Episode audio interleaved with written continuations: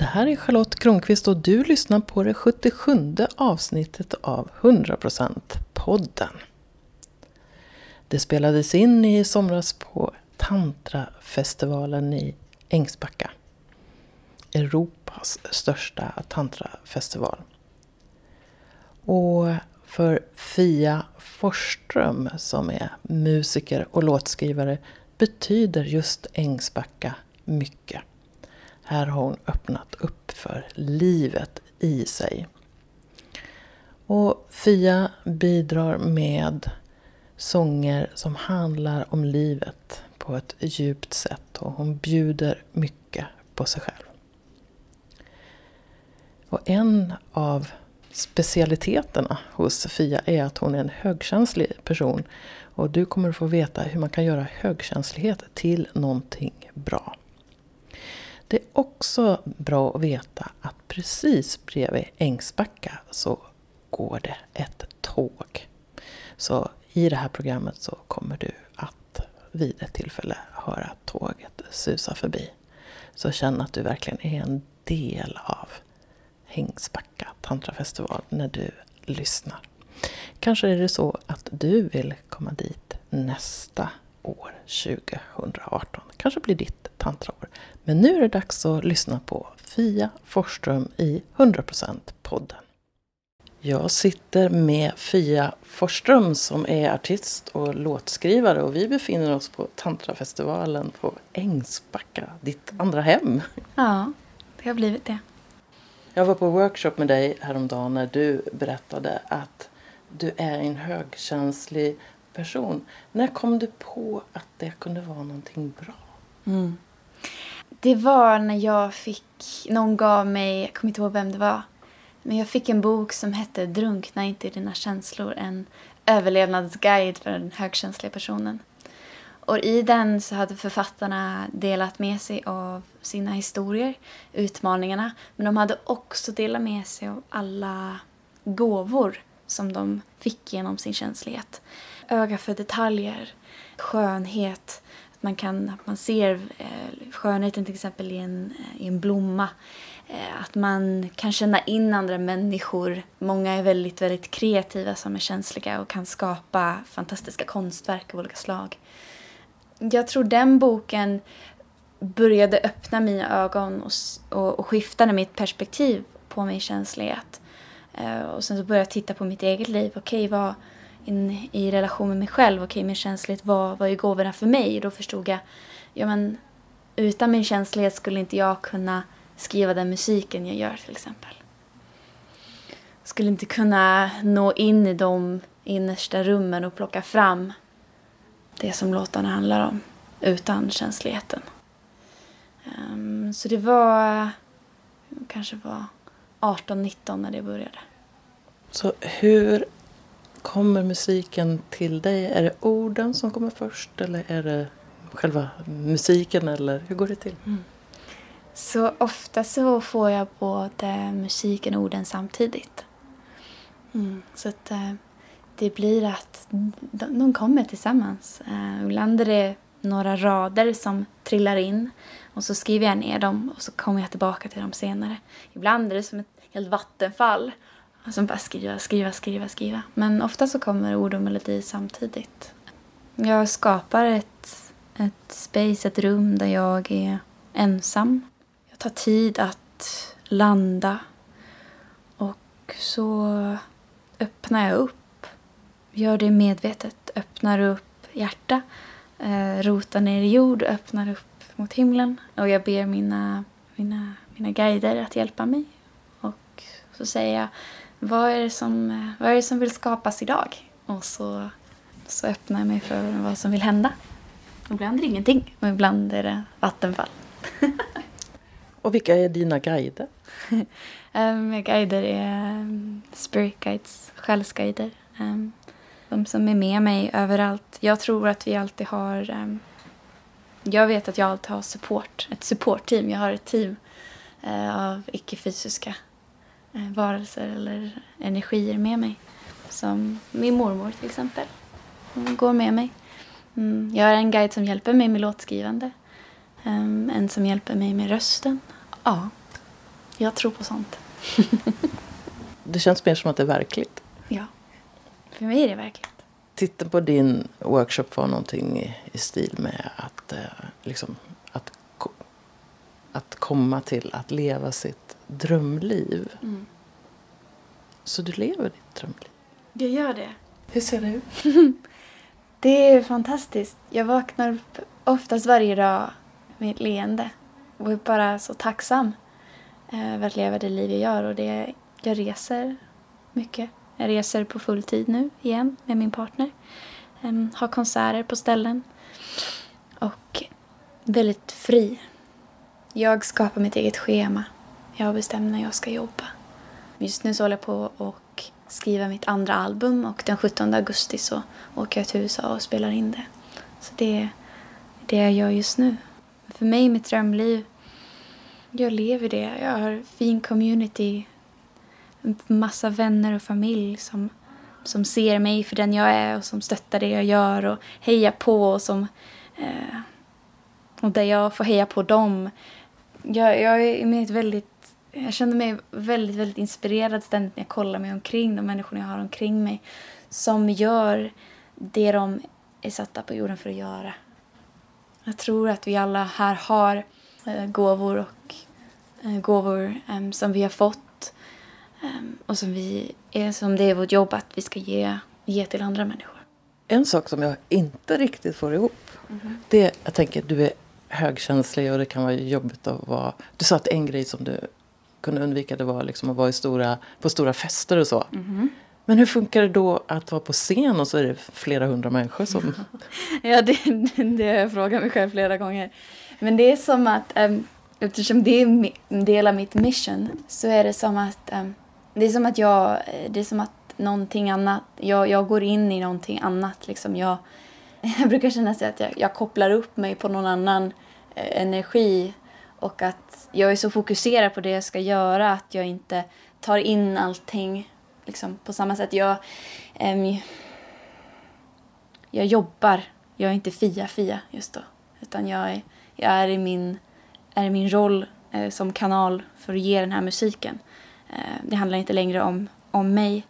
Men jag också eh, gör mycket energiarbete. Så innan jag går på scen, jag, jag kallar in mitt supportteam, Eh, änglar, guider. Ehm, jag ber dem att hjälpa mig eh, hålla min energi hög, hålla den ren och att också att eh, de hjälper jag, mm, tänker, jag, jag vill börja prata engelska, därför jag snubblar på orden. Den här ljusbubblan omkring mig tänker jag ofta. Så att eh, det som inte tjänar mig eller det som inte är så, så gött och fint, det studsar bort. Vilken fantastisk förmåga. Ja. Du, du fingrar på en ring där. Vad är det för ring? det är en förlovningsring. Ja, jag förlovade mig igår. Wow. Mm. Så du har hittat en viktig person i ditt liv? Jag har det. Jag hittade Eugene här för två år sedan. Mm. Svängsbacka är en väldigt magisk plats. Ehm, det känns ehm, väldigt speciellt att vara här nu igen. Och nu står du på scenen. Det gjorde du inte för två år sedan. Nej, för två år sedan så kom jag hit för första gången och då var jag volontär. Jag kom först till yoga och danspåsken. Och så vart jag helt hookad, som många människor blir när de kommer till Ängsbacka. Och så bestämde jag mig för att komma tillbaka och vara här hela sommaren. Så jag volontärjobbade under alla festivaler. Och jag och Jyrin träffades eh, under sommaren utanför workshop. Vi var- träffades här på, på det här vackra stället. Och eh, så började vi dansa med varandra och sakta men säkert så började ett förhållande skapas. Så du har drömliv på många plan då? Ja. Väldigt tacksam för det. Den här gåvan som du har fått. Har du någon idé om hur den ska förvaltas? Så det är viktigt att jag är medveten om den. Och, och ehm, jag tackar varje dag för den. Och att jag påminner mig själv om de dagarna då jag inte känner att jag vill göra det här så påminner jag mig själv om att det, det handlar inte om, om mig utan det handlar om um, alla människor som behöver ha det som jag kan ge. Liksom, att man ser bortom sig själv. Bara, den här musiken som jag skriver, de reflektionerna jag får tillbaka från människor visar att den har betydelse och att den hjälper människor. Och då känner jag att det är, liksom, det är mitt jobb att, att ge den. Så att, att ta hand om mig själv på alla nivåer så att jag kan fortsätta att vara i service helt enkelt.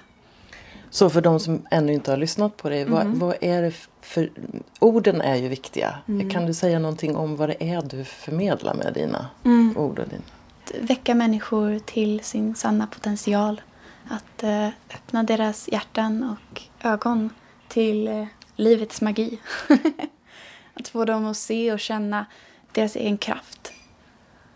Och eh, den kärleken som är runt omkring och som vi är. Lär du dig någonting av, din egen, av dina egna ord? jo, men det gör jag. Jag tror att vissa saker kan man aldrig, man kan aldrig höra saker för ofta.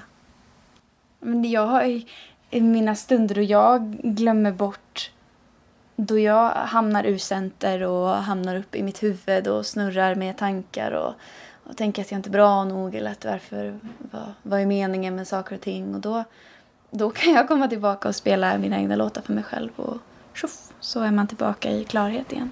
De hjälper mig också. Jag skriver ju, det är min huvudgrej. Mm. Och jag skriver ofta i ett flöde. Mm. Och jag vet inte riktigt vad jag skriver. Utan Nej. sen efteråt så säger jag Oj, det här var ju bra. Ja. Typ som att jag får hjälp på vägen. Absolut. Och då börjar jag fundera på, kunde det vara så på dig, för dig att du, åh! Mm -hmm. Absolut det blir, ibland så går det så himla fort att man bara, man bara skriver och skriver och skriver. Och sen efteråt så tittar man och så känner man, oh wow, det här är ju verkligen bra. Ofta så känner jag när jag skriver också att okej, okay, det här är en speciell låt. Det här, det här, det här är en extra bra en. mm, det är som att det, det pirrar i kroppen. Ofta kan jag inte vänta med jag bara, jag vill spela den här för människor nu. Det finns de som behöver höra det här nu. Då vet jag att det är något extra speciellt.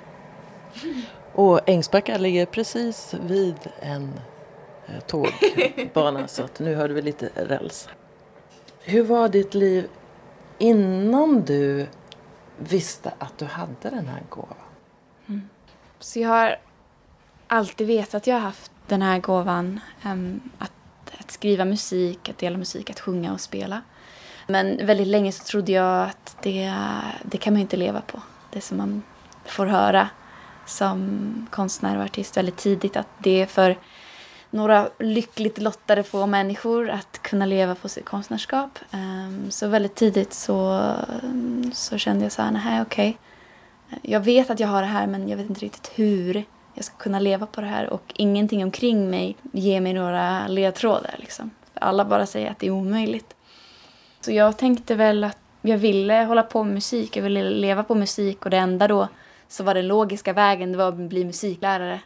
Eller, eh, mm, eller att, eller att frilansa men att ha något annat på sidan av, ett extrajobb också.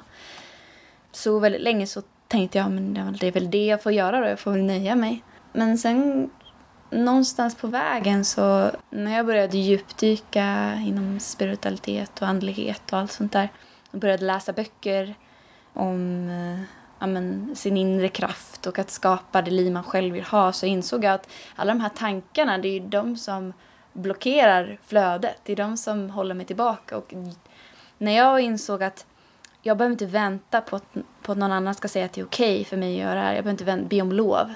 Liksom.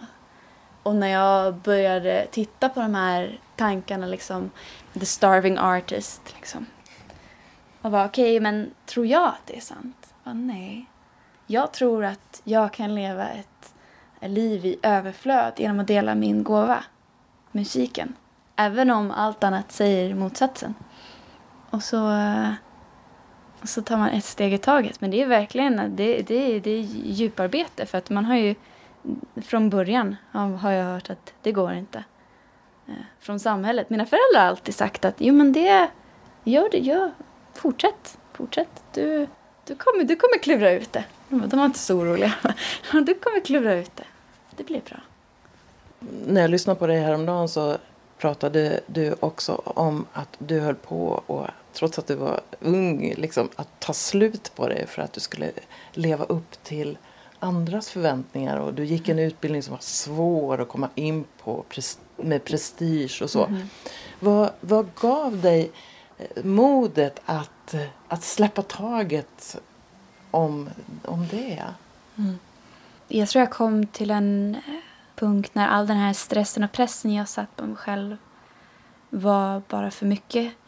Och jag var på botten och insåg liksom att eh, okej, okay, det är mycket läskigare att stanna kvar i det här stället på botten än att hoppa och, och chansa liksom. Det kan inte bli värre än så här.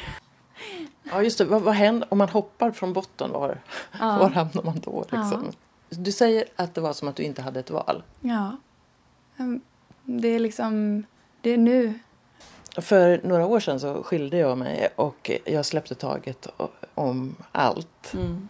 Det kändes som att jag liksom föll fritt mm. under ett långt tag. Mm. Och det var läskigt. Mm. Och jag visste inte om jag skulle landa hårt eller mjukt eller så. Nej. Och så idag bara är jag en superlycklig människa. Jag mm. äger inte någonting egentligen. Nej. Men jag är fri att vara jag. Mm. Är det något som du kan relatera till? Absolut. Ja. jag tror att jag kom till en punkt där det var så här att jag kan välja. Det är mitt liv. Jag väljer någonting annat. Och nu gör jag det. Punkt slut. det, det, är så här, det kan låta skitsvårt och det kan låta enkelt ja. och det, alltså, det beror på liksom, eh, ja, vem man är. Mm.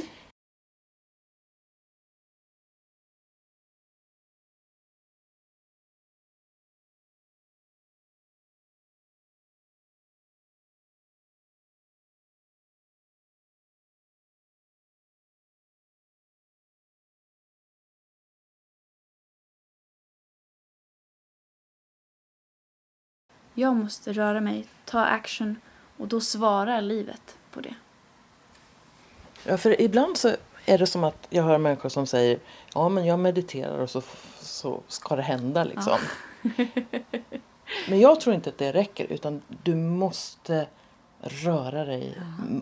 mot det. Mm. Men sen, sen är det som att det uppstår magiska Alltså när man börjar tagit ut riktningen och så börjar man gå kanske utan att veta mm. vart man ska hamna.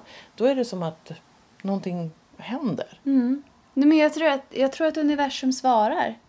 Jag tror att det vi är vi klara på det vi har, eller på, på något sätt har vi har en riktning, ja, men då, jag tror att universum konspirerar i vår liksom, det vill hjälpa oss, livet vill hjälpa oss. Jag tror att det handlar mycket om vad har man, vad har man för inställning till livet. Liksom. Har man en inställning att livet och världen är emot den eller att liksom allting runt omkring en faktiskt vill att man ska må bra och, och, och, leva det liv som man vill ha. Så liksom hur, hur ser man det? Ser man sig själv som hållen, eller, hållen och stöttad eller känner man sig som att man hela tiden fightas mot någonting? Ja, jag känner en del människor som säger life is shit and then you die. Ja, bara, ja men då, var, då är det så för dig. Vi befinner oss just nu på Europas största tantrafestival. Mm. Vad har sexualitet och medveten sexualitet för betydelse för dig? Mm. Jag tror att eh, när jag började en djupdyka i andlighet och allt det här så var det naturligt att titta på den här delen av mitt liv också. Vi har alltid haft en, en öppen och nyfiken inställning, inställning till det. Men sen när man börjar röra, röra sig omkring människor som, um, som utforskar det här så, så väcker det saker i en själv. Och man, speciellt på sån här plats som en tantrafestival där det, um, man samlas med en intention. Alltså det, är en, uh, det är en plats för transformation och det är en, blir, um, katalysator för massa saker. Men att jag har alltid känt mig bekväm i min sexualitet, i min kropp Ehm, jag kände väldigt ehm, mycket, innan jag kom i kontakt med tantra så kände jag att, att det, det finns någonting mer till sex än det jag hade upplevt. Liksom. När jag var med partners så kände jag så här, oh, det är någonting som saknas. Det är någonting som saknas. Jag känner inte den här djupa, djupa kontakten med den här personen. Varför, varför, varför gör jag inte det? Och då, och så här i efterhand kan jag förstå att ja, men, vi var um, olika medvetandenivåer, olika platser i livet och allt sånt där. Um, jag har alltid varit, um, varit, varit en sökare. Men alltid har, um, har varit intresserad av mer och djupdyka i känslor och, och, och känslighet och, och andlighet.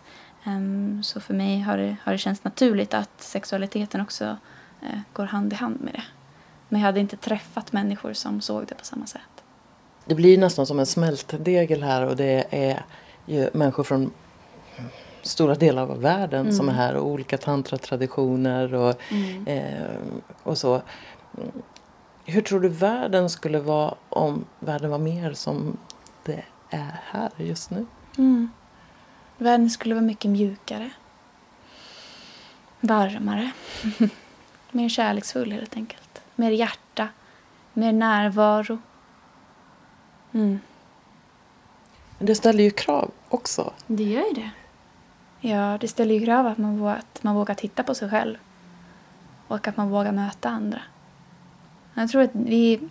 Det är ju det vi längtar efter mest, att möta varandra i närvaro. Men det är också det som är det läskigaste för att vi kan ju inte gömma oss då. att bli sedd. Ja, precis. Det är så paradoxalt på något sätt för att människor längtar ju efter att bli sedda mm. men kanske inte fullt ut. Mm -hmm. För tänk om någon verkligen såg yeah. mig vad, hem, eller vad farligt Precis. det skulle kunna vara. Och, och att komma som över den, det hindret. Mm. Så jag gissar att det är en del av din resa också. Mm. Att, att komma till det är okej okay att jag blir sedd mm. som Fia. Nu har ju du ett litet fusk I och med att du kan liksom vara den här scenpersonligheten. Precis. Ja. Men hur är det då att bli, när du är Fia, att bli sedd? Mm. Ja, men jag... Det är fint. men det är alltså, det är, mitt jobb och min scenpersonlighet, det väver ju med Fia. För allt som händer i mitt personliga liv och privatliv, det påverkar ju mitt arbete och min scenpersonlighet. Det jag har förstått också är att att de är väldigt nära. Även om, även om det är en roll jag går in i så är det ändå jag. För att det är det människor... Eh, det, är det, de, det är det vi vill ha. Vi vill ha äkthet. Um, så jag delar väldigt öppet och mycket om, om mig själv och mitt privatliv. Um, för, att, för att det behövs och för att jag känner mig kallad till det. Uh, och det känns... Mm, det känns som att då kan... Eh, då känns, det är som en del av mig kan slappna av för, också, för då hoppas jag att människor inte sätter mig på en pedestal till exempel. Utan de kan se att jag också eh, är människa och har massa skit att jobba med. jobba varje dag och försöka få så öppna mer, mer, mer. Mm. Jag har haft en blogg i åtta år eller något sånt och jag skriver om sex och relationer och massa mm. sådana saker. Men jag beskriver också om mig. Mm. Men jag skriver liksom personligt om mig mm. och inte privat mm. egentligen. Jag försöker göra en liten mm. rågång mellan det. Mm. Men så möter jag människor som tror att, de, att jag lämnar ut allt. Ja. Och de är så här, ja men jag känner dig. Ja, de känner mig. Mm. Allt som står är sant. Men jag har också en del saker som är någonting som, som inte behöver vara offentligt. Mm. Så jag brukar säga att det är en persona mm.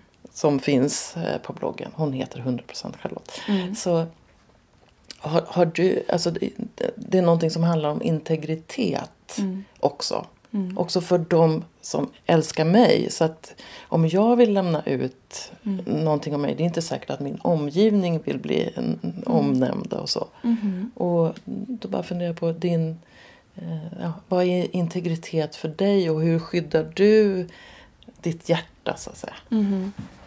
Jag går väldigt mycket på känsla. Um, och jag um, um, är väldigt försiktig med att dela av, liksom, om familj och nära vänner utan att checka in med dem först. Som jag har skrivit om min mamma till exempel. Och innan jag delade det med världen så lät jag henne läsa det och fråga hur, hur det känns och är det okej okay att jag postar det här. Um, likadant med, med min partner i sken. Att vi, om vi har någonting stort som vi vill dela så checkar vi in med varandra först och ofta läser vi varandras eh, inlägg. Vi är väldigt aktiva på sociala medier så vi delar väldigt mycket där. Um, men att um, jag har absolut saker som jag inte delar för att med det arbetet som jag har så, så är det redan att jag ger så mycket. Men att det är, det är en balansgång att, um, att inte tömma allting. För det är som du säger att ibland um, människor tror att de känner en helt och hållet. Um, de känner en del av mig, men inte allting. Och, och för mig så känns det också viktigt att... Alltså, det finns en transparens mm. i det, men ändå att att ha någonting eget, det... det jag, jag, för mig skulle det nog kunna vara en risk att att jag fransar ut mig, eller jag ska säga. Mm. Om jag tänkte att jag ska dela liksom allt hela tiden. Då kanske jag blev osann till mm. slut av den mm. idén och det kanske skulle bli fångad av mitt ego eller mm. eh, sådana grejer. Så det kan finnas riskfritt att tro att jag är helt transparent. Mm. Mm. Så den aspekten. Mm. Absolut. Du och din partner reser ju runt i världen. Hur är det att inte ha en fast punkt? Det är skönt. och samtidigt så finns det delar av mig som absolut vill ha en bas och en fast punkt någonstans, att slå rötter på. Eh, men vi är båda eh, medvetna om att vi har stora kall som kräver oss att vi förflyttar oss och möter människor. Eh, och att då följer vi det, men vi också har en intention att hitta ett hem där vi kan liksom ha vår, våra rötter. Men just nu så reser vi runt och det, mm, det handlar om att hitta sin balans. Liksom. Eh, vi försöker balansera med mycket tid ute i naturen och vi tar hand om oss själva genom att eh, äta bra mat och, och mm, man hittar sina små strategier för att göra det bästa av det. Och det är fantastiskt. Det är fantastiskt. Det är ett privilegium. Um, det är speciellt. Jag sen funderar på... Jag är själv mamma till tre barn och jag ska bli mormor för andra gången mm. vilken dag som helst.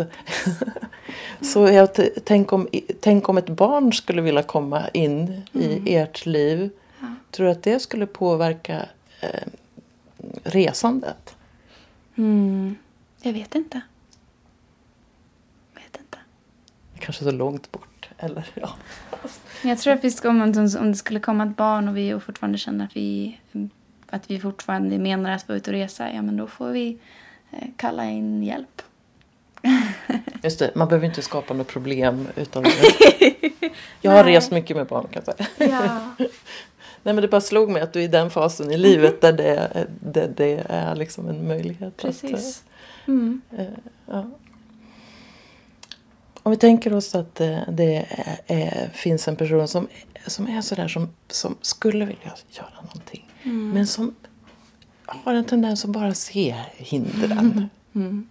Vad skulle kunna vara en liten så här practice som den personen skulle kunna göra för att se något annat än hinder? Mm. Okej, okay, så en viktig sak är att um, titta på vilka människor du har omkring dig.